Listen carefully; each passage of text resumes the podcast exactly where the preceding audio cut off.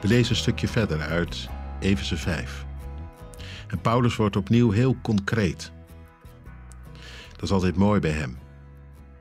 Als hij het heeft over volgen van Christus, dan benoemt hij ook die dingen waar je afstand van moet nemen, waar je van los moet komen. Hoor maar.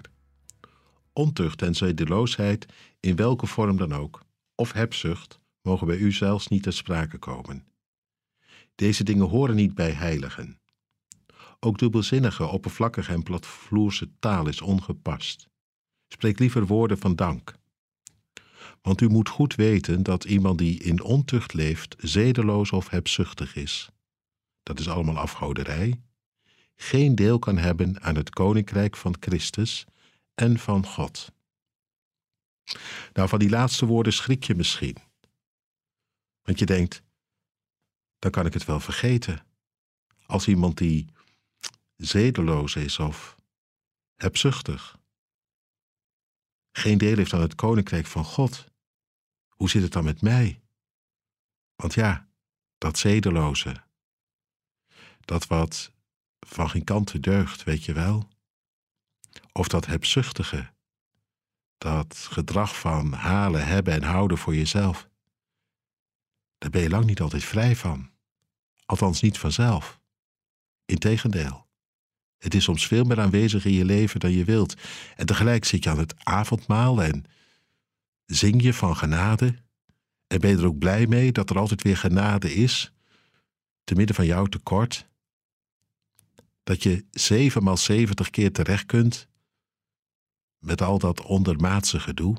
Maar nu, zegt Paulus hier, wie zo leeft heeft geen deel aan het koninkrijk van God. Zet je nou toch buiten de deur? Nou nee, dat niet. Ja. Nou ja. Dit zet hij buiten de deur. Dat hij zegt: deze manieren van leven combineren niet met de gerechtigheid van het koninkrijk van God en daarom zul jij er ook mee afrekenen. Als je Christus toebehoort. Deze dingen horen niet bij heiligen. Bij mensen die zijn getrokken uit hun eigen donker en duister en gezet zijn in het licht van Christus, die vergeving ontvingen. En vanuit Hem een nieuw begin, om te leven door de kracht van Zijn geest. Het combineert niet, dat ontuchtige, dat zedeloze,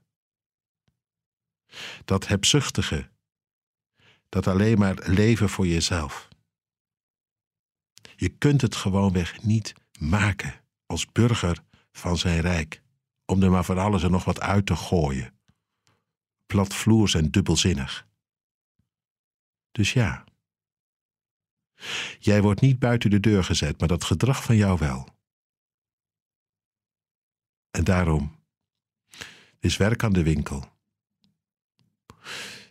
In het licht van zijn genade moet al wat vuil is en fout de deur uit.